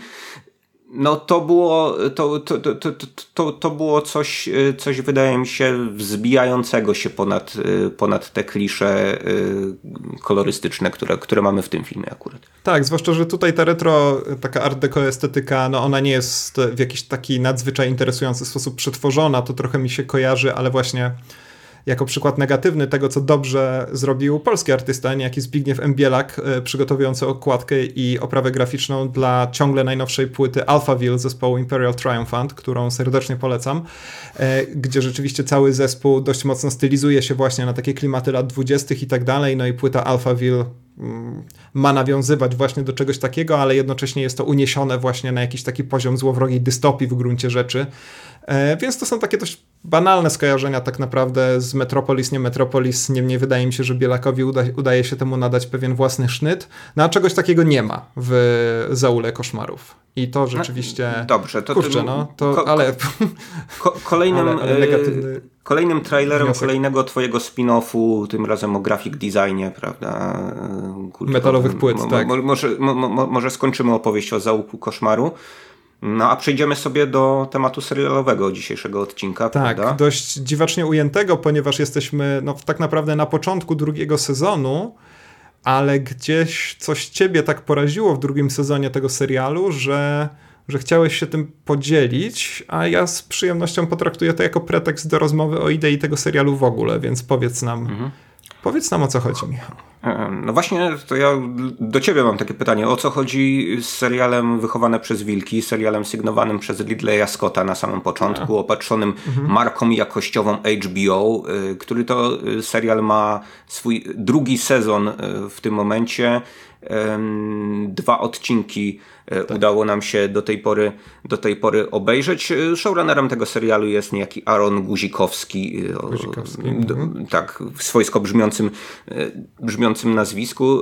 Natomiast no jest to serial, który moim zdaniem poleciał produkcyjnie na łeb na szyję w, w, drugi, w drugim sezonie i wygląda koszmarnie, nomen omen, A, skoro o koszmarach dzisiaj, dzi, dzisiaj mówimy, tak? Więc ja, ja, ja chciałem no Co, to ten klot czołg ci się nie podoba? No, no, no, no, no nie, mów, tylko, mów, nie, nie, nie, tylko, nie tylko czołgi w tym serialu, które wyglądają jak z grafiki wektorowej, prawda? Wyciągnięte jeszcze. To jest polska demoscena po prostu lat 90. Do, no, tu, tutaj, tutaj, tutaj, tutaj także, tak, także by, byty żywe ożywione w komputerze tak, tak wyglądają, ale może zacznijmy znowu po Bożemu, żebyśmy naszkicowali. To, to nam, co to, co to naszkicowali jest tak y, no właśnie, o, o czym to było, to mogę tak powiedzieć, że w pierwszym no sezonie no panie, to jest... Y, panie, mind blown. W, w, w, pierwszym sezonie to jest pokrótce mówiąc o y, androidach, które się nazywają tatuś i mamusia tutaj, y, znaczy ojciec i matka. Y, ojciec i matka, który... to są poważne androidy, mój drogi. Tak, no zresztą Ridley Scott bardzo y, jakoś matki lubi, czy ma tu jakieś mother Ale ile jest Ridleya Scotta w tym No dobrze, no, no to co moment, to, to, to co moment o tym mhm. Ridleyu Scottie, czy rzeczywiście to nie jest tylko tak, że on tam świeci nazwiskiem nad pierwszym no tak odcinkiem, tak, mhm. i, i potem zniknął. Y, no w każdym razie te y, an, androidy y, mają y, swoich y, po, podopiecznych na obcej planecie kolonizowanej tutaj przez Arkę, taką statek Arka ma tych kolonizatorów dowieść na tę, na, na, na tę planetę. Arka ulega zniszczeniu, e, no ale ocalały dzieci, ocalały androidy, no i te dzieci, no właśnie niekoniecznie przez wilki są wychowywane, co przez te właśnie syntetyczne, człekopodobne stwory, tak, które mają. Tak, żadnego mają, wilka tam nie ma. Mają, Podobnie jak w do, do, koszmarów. Do tej pory nie ma żadnego wilka, no być może się jakiś pojawi w dziesiątym sezonie tego serialu. Jeszcze trudno mi dociec, o co Guzikowskiemu mm. tam chodzi i co tam się jeszcze może pojawić. Natomiast y, w warstwie jakiejś takiej y, wyższej, powiedziałbym politycznej, no to mamy do czynienia z e, futurystycznym, dystopijnym światem, w którym ścierają się dwa stronnictwa. Jedno jest e, mocno wierzące, drugie jest ateistyczne. To ateistyczne nie jest takie zupełnie ateistyczne, bo wydaje się, że jego e, Bogiem jest technologia. Tak? To jest takie, takie taka technokratyczna społeczność, no a ta mhm. druga wielbi niejakiego sola, tak, czyli takie bóstwo solarne, słońce, tak, po prostu, po, tak. Po, po, prostu tam Zresztą jest to też swoje... kult Mitry, tak, jeszcze oni się nazywają mhm. Mitreistami, czyli to jest wszystko nawiązanie do takich zupełnie pierwotnych kultów właśnie. E, już nawet, nawet, tak naprawdę niekoniecznie, niekoniecznie monoteistycznych, e, no ale w tej wersji jak najbardziej tak, no bo przede wszystkim jednak ma to nawiązywać do, do współczesnego chrześcijaństwa, prawda, jeżeli chodzi o ten, tą całą strukturę no tak, no, i tak dalej. Wie, więc, więc można powiedzieć, że tutaj mamy y, trochę do czynienia z taką wojną religijną, tak, trochę taką światopoglądową, no ale y, jakby w centrum, jak powiedziałem, właśnie są te dzieci, dzieci i androidy. Nie wiem, czy taki szkic fabuły nam wystarczy, czy chciałbyś tutaj coś tak dodać? Tak się powinien nazwać ten serial, Dzieci i androidy po prostu i to, to byłoby dużo, dużo więcej by mówiło. No nie, nie, nie, no słuchaj, no to jest tyle. No lądują sobie na tajemniczej obcej planecie, której nazwy w tym momencie nie pamiętam, ale to jest taka bardzo ludzka nazwa, to znaczy wydaje mi się, że tam się posługują takim kodem, którego, którym my się też posługujemy dzisiaj, nazywając różne ciała niebieskie. E, no i trzeba, trzeba wspomnieć, że nasza, e, nasze kochane androidy na samym początku ponoszą porażkę wychowawczą, mówiąc delikatnie, e, by później w wyniku różnych wydarzeń otrzymać drugą szansę. No dobra, no ale mm, w takim razie cóż się tam dzieje, tak? To znaczy, jakie, jakie ten serial zadaje pytania, tak, tak, także fabularne, prawda? No bo to jest taki serial, który chce bardzo dużo hapnąć naraz. To jest taki serial, który zresztą to widać po czołówce, że on jest tak niesamowicie poważny. E, tak chce, no właśnie zadawać jakieś te podstawowe pytania science fiction, przede wszystkim dotyczące tego, tej relacji człowieka z androidem, prawda? Zwłaszcza, że tutaj warto wspomnieć, że ta matka nasza mm, jest także, no w polskiej wersji to nie zostało przetłumaczone, jak widziałem na HBO Go, to znaczy ona jest modelem zwanym Necromancer, Także wszyscy fani Heroes of Might and Magic e, mogą się, mogą się radować. Po polsku pewnie byłaby po prostu jakąś nekromantką lub ewentualnie nekromantą, jeżeli podajemy wątpliwość jakąś... Ne ne nekromatka. Fantastycznie. Tak się będzie nazywał mój, e, mój, mój, mój metalowy e, piwniczny projekt. I, I ta nekromatka właśnie no, jest zawodową morderczynią, powiedzmy, właściwie niszczycielką, takim robotem bojowym najwyższej klasy, powiedzmy. No i tutaj zostaje przeprogramowana po to, żeby właśnie próbować wychować próbować wychować e, nowe pokolenie ludzkości, tak naprawdę. No więc ten serial zadaje pytania właśnie o naturę maszyny, o to, czy ta maszyna, bo mamy tu oczywiście do czynienia z klasycznym takim postępem losów robota, kiedy on zaczyna, czy ona zaczynają czuć jakieś ludzkie emocje, e, no i zastanawiamy się, czy naprawdę są w stanie zmienić swoją naturę, no i jaka faktycznie zachodzi relacja między człowiekiem a wytworem człowieka, prawda? No pewnie to byłyby jakieś takie podstawowe pytania, które na początku ten serial zadaje, a później, kiedy poznajemy całą mitologię, poznajemy tę historię, o której wspomniałeś, wojny na Ziemi, no to też no to tak naprawdę teraz, jak się na tym zastanawiam, niewiele się o tym dowiadujemy, ponieważ no, w gruncie rzeczy jest to sprowadzone do dwóch frakcji, niczym w jakiejś e, grze RTS. E, nie znamy za bardzo chyba tła tego konfliktu. No jest to na pewno interesujące i to jest taki chyba element tego serialu, który gdzieś tam najbardziej mnie y, już dzisiaj przyciąga, czyli fakt, że rzeczywiście mm, cywilizacja poszła niezwykle daleko do przodu technologicznie. Nie wiem, który to jest rok, ale na pewno nie 2022. Na pewno jesteśmy dużo, dużo, dużo bardziej posunięci w przyszłość, a cała cywilizacja na tym poziomie mm, ideologiczno-religijnym gdzieś bardzo mocno się uwsteczniła, co jest bardzo fajnie podkreślone przede wszystkim przez to, jak y, nasi mitraiści się ubierają, prawda? Ponieważ tutaj no, rozmawialiśmy dużo o tym w przypadku zału, zauła koszmarów, zaułu koszmarów, nie wiem jak to odmieniać, y, ale w przypadku wychowanych przez wilki świetnie widać właśnie bardzo duże przywiązanie do zaprojektowania nawet nie tyle scenografii, co jak wspomniałem właśnie strojów, ponieważ tutaj mamy jakieś średniowieczne hełmy, średniowieczne pasy, które w jakiś taki nadzwyczaj zręczny sposób są no, dosłownie zresztą splecione z jakimiś e, futurystycznymi elementami. Więc to jest coś takiego, co w tych e, wychowanych przez wilki chyba najbardziej mnie fascynuje. Nawet nie jestem przekonany, czy chciałbym poznać tę historię, ponieważ ona okazałaby się koniec końców banalna, ale sama ta wizja wizualna, że tak brzydko powiem, jest e, na tyle fascynująca, że myślę, że to może nawet w jakiś sposób e, co słabsze serca i umysły porażać. Rzeczywiście, że jesteśmy tak bardzo do przodu, a jednocześnie tak bardzo do tyłu. No co tu, co tu więcej e, tłumaczyć? No, no tak, no ale jakby mamy różne wizje przyszłości, które się czymś takim e, posługiwały, prawda? No, nawet yy, cyberpunk jest ta, czymś takim, tak? To znaczy nie czymś takim jak w tym filmie, tylko chodzi mi o samo założenie, tak? Że to jest high-tech, low-life, prawda? No i tutaj też mamy... Ale to jest też low-tech, high-tech jednocześnie, tak, takie mam, mm, takie okay. mam wrażenie. Okej, okay, tak, tak. Ten, ten, ten, regres właśnie do takiego quasi średniowiecza jest tutaj dosyć ciekawy jeszcze z tym wątkiem religijnym, prawda, które kino science fiction yy, no jednak w ostatnich czasach dosyć mocno porzuciło, tam, zresztą kino w ogóle yy, stara się tak. unikać takich drażliwych, yy, drażliwych tematów. Tak, to jest, to jest ciekawe w tym serialu, masz rację, że to jest, to jest poniekąd nietypowe na tle wielu innych produkcji, że ten serial no jest oczywiście jakąś alegorią współczesności, ale bardzo słabo zamaskowaną.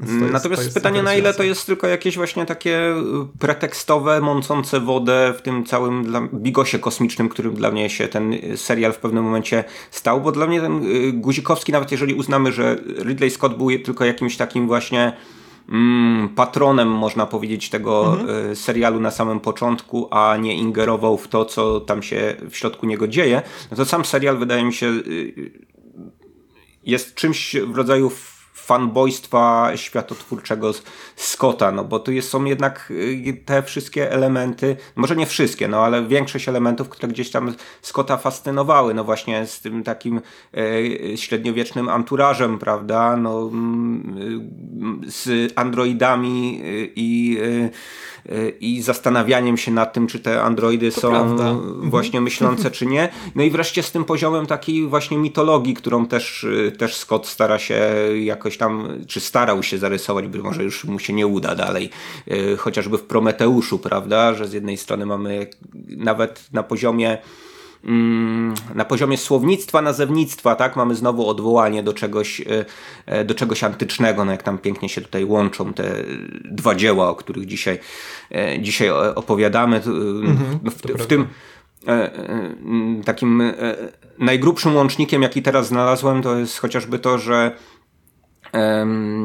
właśnie ta nekromancerka, ne, nekromatka, czy też matka w ogóle, e, w pewnym momencie identyfikuje się z imieniem Lamia, a, e, a mhm. Lamia tak, e, tak, tak. w Grece utożsamiana była z Lilith hebrajską po prostu i to też była postać, postać, która porywała dzieci.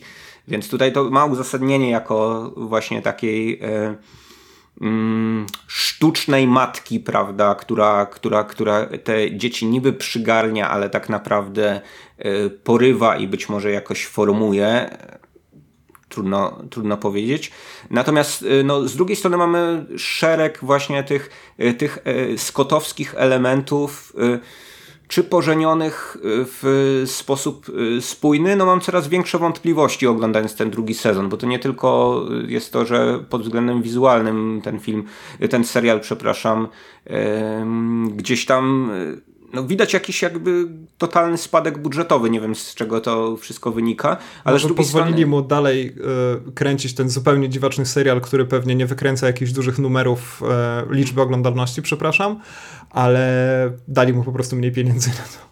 Mhm. E, z drugiej strony, no właśnie ten, ten, ten serial jest y, no, szpikowany różnymi takimi mitologicznymi odniesieniami. Trochę wydaje mi się już w pewnym momencie y, od, od sasa do lasa. Y, ten, ten wąż jest jak z mitologii nordyckiej wzięty, prawda? Mamy tak samo jak główny aktor. słuszna, słuszna uwaga o aktorstwie Travisa Fimela, to możemy sobie za moment kilka to słów jest, powiedzieć. Tak? To, jest niesamowity człowiek, mój ulubiony ciekawy, aktor. Cie, cie, ciekawe aktorstwo, niewątpliwie bardzo ciekawe. E, no czy, ten, czy, czy, czy, ten serial do czegoś zmierza, twoim zdaniem? Czy ma jakikolwiek sens? Czy ty się generalnie Nie, ba, ba, bawisz jego tylko właśnie takim, no, takim chaosem, już chyba niekontrolowanym za bardzo? Wydaje mi się, że E, że tutaj są jakieś takie puszczone lejce i trochę też yy, nawet twórca tego serialu nie wie za bardzo na czym się skupić, bo on na samym początku rysował się jako trochę taka survivalowa opowieść, rzeczywiście o dojrzewaniu tych dzieci, prawda, i tutaj jednocześnie mamy problem człowieczeństwa androidów, no ale właśnie mm, wydawało się, że ta grupa, y, grupa dzieciaków, no to będzie taka, na której się skupimy. Potem nagle przybywają y, kolejne frakcje, potem się już w drugim sezonie, przepraszam za, za mini spoiler, ale przenosimy na drugą stronę tej planety i okazuje się, że ona tam jest zasiedlona przez kogoś, kogoś z, z, zupełnie, zupełnie innego. Czy ten serial ma w ogóle swoich głównych bohaterów, czy, czy Lamia jest główną bohaterką, no nie wiem, czy ktoś to kontroluje, tak? Czy, czy leci z nami pilot, o tak bym zapytał. Tak, tak, tak, dokładnie. Czy ktoś kontroluje te roboty? E, pytali, tak się e, zaczęła fabuła e, Terminatora. Słuchajcie, mm, słuchajcie, drodzy słuchacze, a przede wszystkim słuchaj Michale, wydaje mi się, że kluczowym stwierdzeniem, które wypowiedziałeś jest to o babraniu się w chaosie. Ja się w tym chaosie z dziką radością taplam.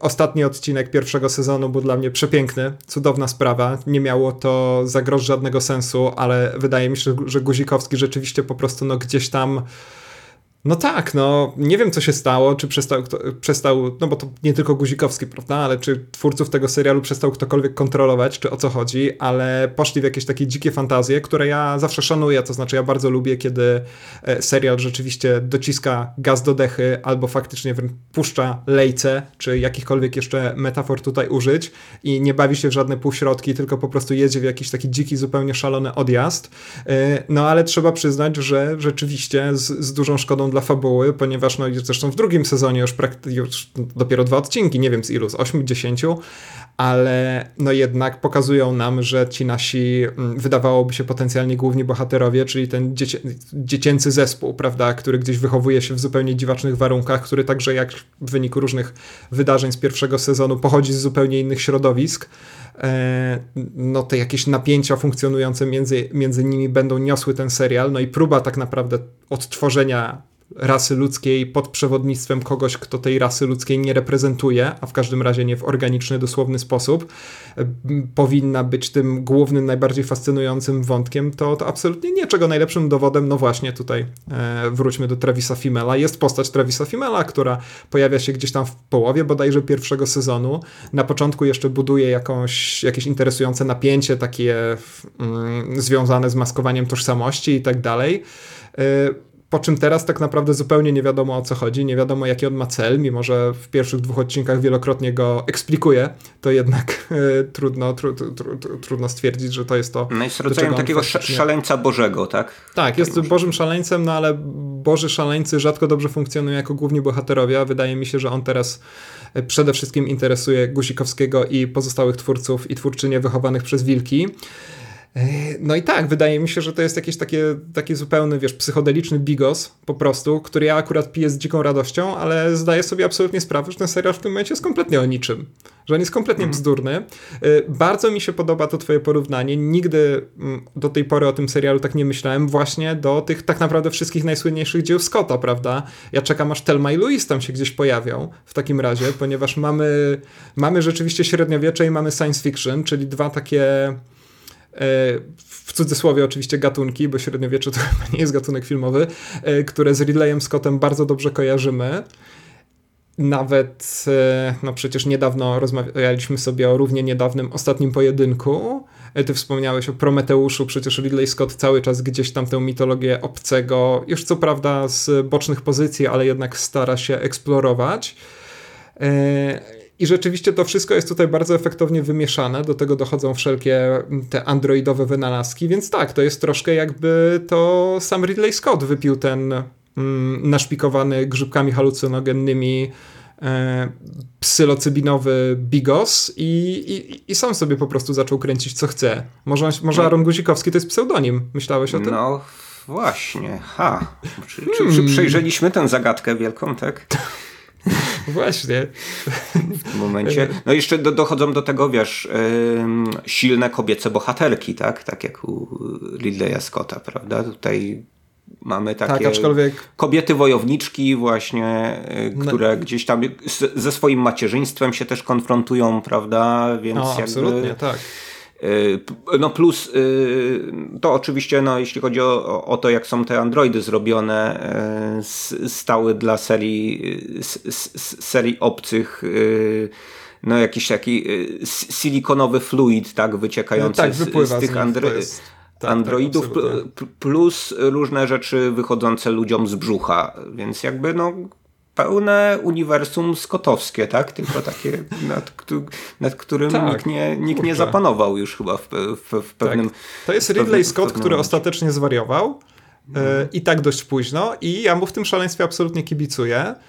E, swoją drogą dla mnie największymi bohaterami tego serialu są aktorzy, którzy, wciela, którzy wcielają się w ojca i matkę, ponieważ utrzymać tę sylwetkę między dwoma sezonami to jest naprawdę wielkie, wielkie wyzwanie. E, żeby wbić się znowu w te silikonowe kostiumy i wyglądać tak jak w pierwszym sezonie. No jestem pod ja, dużym wrażeniem. Nie, jest, ja, z kolei, e, jak sobie, drodzy słuchacze, obejrzycie te kostiumy tych, e, tych, tych androidów, no zawsze jak na to, na to patrzę, to mnie z kolei ciarki przechodzą, jak niekomfortowo musi być w tak. czymś takim, w takim, w takim ciarku, zwłaszcza jeżeli jest bardzo gorąco bądź bardzo zimno, bo podejrzewam, że to ani nie, ani nie, nie, nie, nie, nie grzeje ten, ten kostium jest na tyle cienki, prawda? Ciekawe, jak to jest zrobione. No. Ale też na poziomie psychologicznym to musi być męczące. Naprawdę. Trzeba mieć bardzo duże. No zresztą mhm. to jest charakterystyczne dla aktorstwa, że trzeba mieć bardzo duży dystans do samego siebie, żeby w ogóle zostać aktorką czy aktorem, a żeby jeszcze wbić się w coś takiego. No i duży dystans do siebie na pewno ma Travis Fimmel podej podejmijmy ten temat po raz kolejny. No ja właśnie nie e... wiem, czy on ma dystans, czy on potrafi grać tak naprawdę. Nie, no nie potrafi. Zdaniem, Przecież on, ja go widziałem w trzech rzeczach i we wszystkich grał tak samo. Mm -hmm. widziałem go w Wikingach, w, War, w Warcrafcie mm -hmm. i w tym.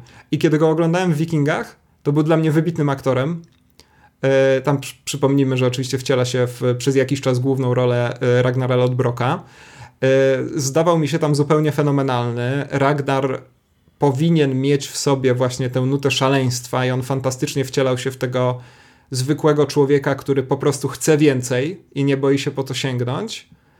I wydawało mi się, że Female znalazł jakiś zupełnie fantastyczny klucz do tego, zwłaszcza jeżeli chodzi o bardzo charakterystyczne wzorce mowy i jednocześnie takie mikrozachowania, które, którymi, jakby, którymi nasiągnięta była postać Ragnara.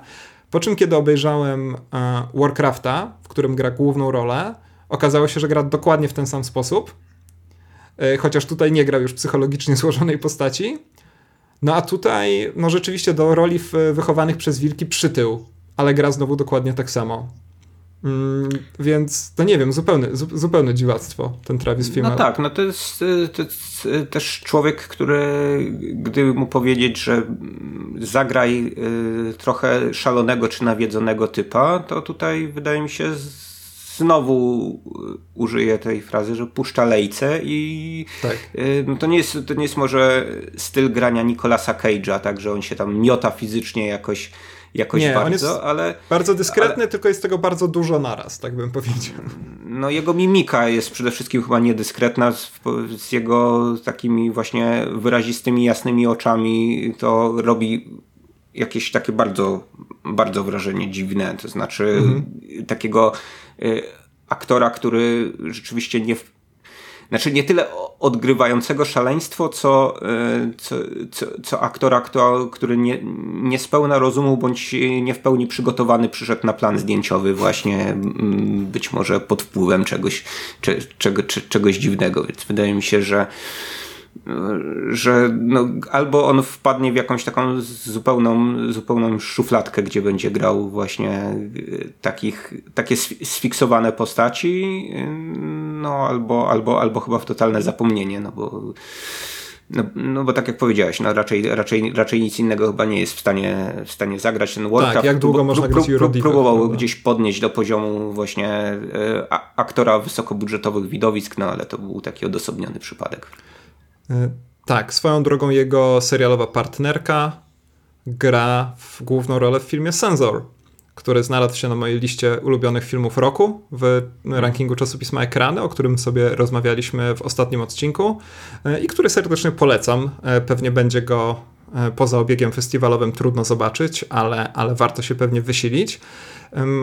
No tak, Travis Fimmel dryfuje w jakąś taką bardzo dziwną stronę, może nie tak absurdalną jak Bruce Willis. Nasi słuchacze na pewno widzieli, że Złote Maliny doczekały się osobnej kategorii, kategorii e, najgorszy występ Bruce'a Willisa, a kanał YouTube'owy Red Letter Media wrzucił taki bardzo fajny film, gdzie mm, rozmawiają prowadzący o właśnie tym takim zupełnie dziwnym wynalazku, no niemal osobnym gatunku filmowym, w którym teraz Bruce Willis się udziela, e, tropiąc to, jak te filmy są produkowane i jak to w rezultacie manifestuje się w samych, e, no właśnie w samych filmach, więc zobaczycie tam na przykład sceny, w których wyraźnie widać, jak Bruce Willis ma słuchawkę w uchu, przez którą podaje mu się teksty, albo sceny, w których naprawdę Bruce Willis do planu filmowego tego głównego nawet się nie zbliżył i nawet nie wiedział w jaki sposób wypowiadać pewne kwestie. E, swoją drogą, mm, według artykułu, na który powołują się prowadzący Red Letter Media, ten gatunek filmowy, znowu w cudzysłowie gatunek, e, nazywa się Geezer Teaser. Geezer niestety nie od jednego z najwybitniejszych muzyków w historii muzyki, muzyków w historii muzyki, okej, okay. w historii świata po prostu, tylko po prostu od slangowego określenia starca, czy też takiego dziada powiedzmy, no i teaser, prawda, czyli coś, co gdzieś tam kusi nas właśnie przez to, że wykorzystany i pokazany na plakacie jest jakiś podstarzały aktor, którego no moje pokolenie, twoje pokolenie i pewnie części naszych słuchaczy jeszcze mm, kojarzy bardzo pozytywnie, no i tym, nie wiem jak ten geezer teaser miałby być po polsku, dziado, dzia, hmm, dziado kusiciel to nie brzmi dobrze, Dziado bieda?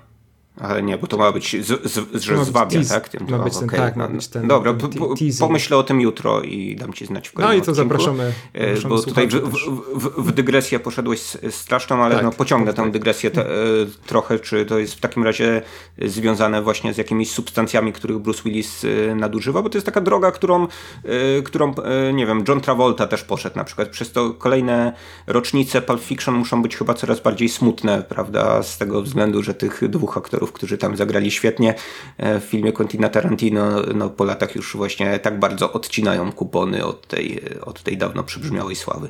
Tak, inna sprawa, że Travolta już był przebrzmiałą sławą, kiedy, kiedy Tarantino wyciągnął go do Pulp No, on go wskrzesił na trochę, ale no też na trochę, przypo, tak. przy, przy, przypominam, że no jeszcze w tych lat, w latach 90., nawet jeżeli. No, face Off zagrał, więc. No, nie były to może przejawy wybitnego aktorstwa, ale wciąż y, filmy z innej półki niż, y, niż, niż, niż filmy realizowane przez byłych muzyków rockowych, y, za które też John Travolta nominację do Złotej Maliny z, z, zbiera. Chodzi mi o Fred Darst, tak, tak, tak się nazywa ten, ten wspaniały muzyk. A to Travolta grał Freda Darsta? Wspominałem o tym, że grał Fred Darst fi, filmy. Filmie, filmie przez, niego, przez niego robionym, który, który jest czymś, czymś koszmarnym absolutnie. Wyobrażam no sobie. dobra, ale wróćmy do tego Bruce'a Willisa. Czy on coś Nie, to śpie? Czy... Wydaje mi się, że chodzi o pieniądze. No jeżeli chodzi o ich jakby prywatne relacje z używkami, to no nie mam pojęcia i chyba jakbym z jakiegoś powodu wiedział, to pewnie bym się tym nie dzielił ze światem, ale z tego co wiem, to on dostaje za taki występ, który trwa dla niego jeden lub dwa dni, między milionem a dwoma milionami dolarów. Więc e, pytanie, kto z nas by się nie skusił na.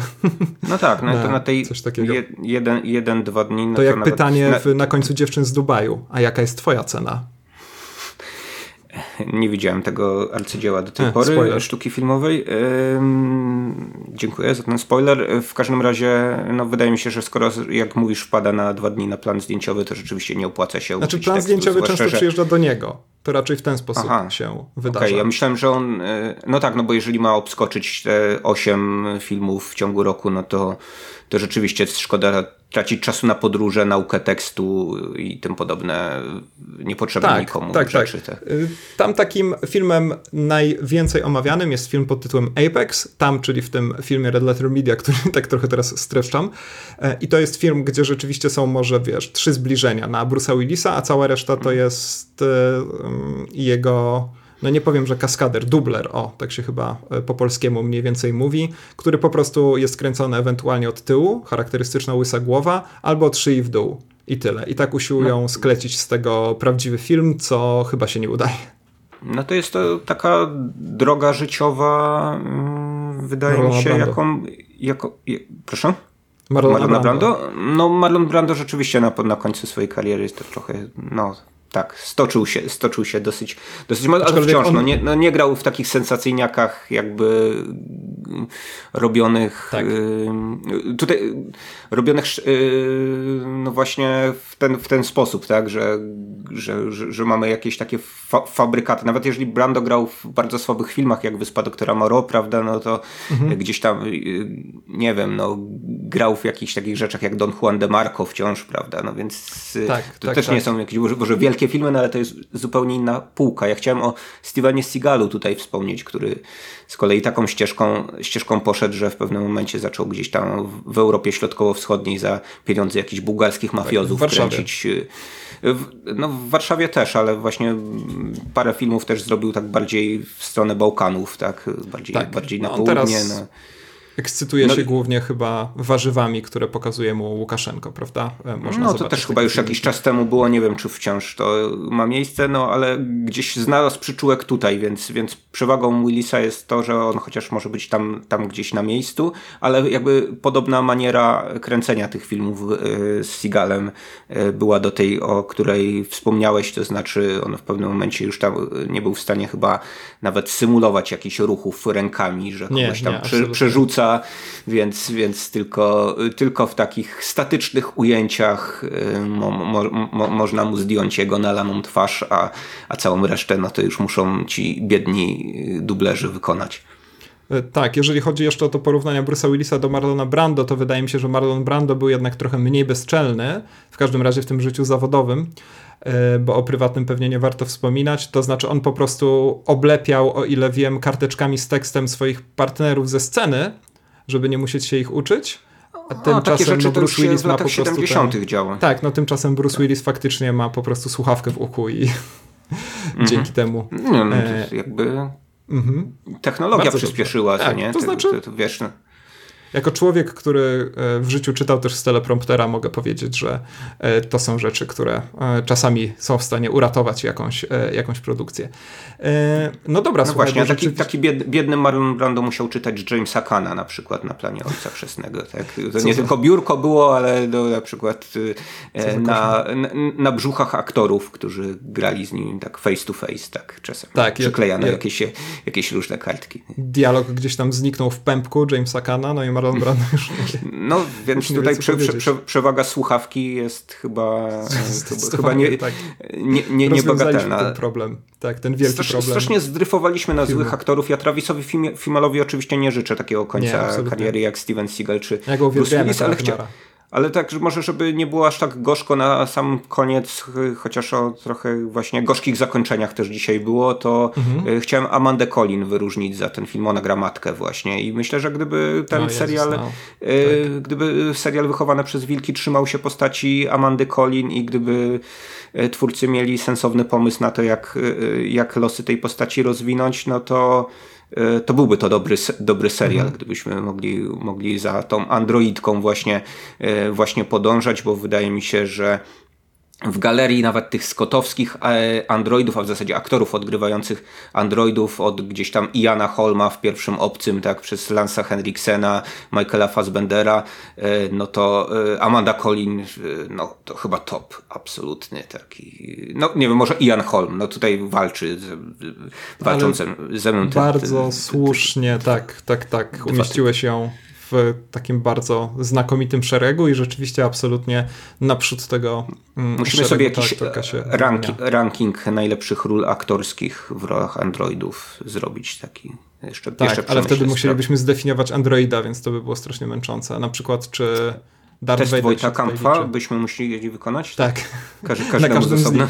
Na okay. każdym z nich. Co z Vaderem był, bo byłoby szczególnie problematyczne, bo jego w samej trylogii chyba piątka aktorów grała. Więc... Ale te, ten, ten test jest fajny, bo tam, tam się pyta o żółwie. To prawda, rzeczywiście, żółw wywrócony na pustyni, prawda? Mhm. Kurczę. W, w mojej VHS-owej wersji łowcy androidów y, to była żółwica jeszcze w ogóle, nie wiadomo dlaczego. A my też przyznaczaliśmy, y, no bo może, może żółwica ma sprawić wrażenie delikatniejszej, a my też przyznawaliśmy mm. tylko żółwie bardzo nieładnie. Musimy mm. najlepszą żółwicę również, e, również przyznać. W, w, drugiej edycji tych nagród na pewno się taka pojawi.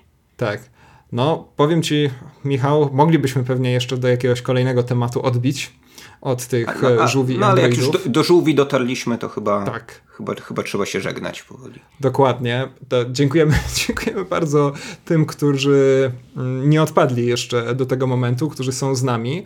No zresztą sama nagroda żółwi jest dla takich naszych, no jest takim mrugnięciem dla naszych najwierniejszych fanów, którzy rzeczywiście są w stanie wytrzymać do, do, do, do samego końca, do samego pożegnania. No i co? I pożegnania nadszedł czas właśnie teraz. Pamiętajcie, żeby powiedzieć o tym podcaście, a niech będzie, że dwóm losowym e, osobom na ulicy.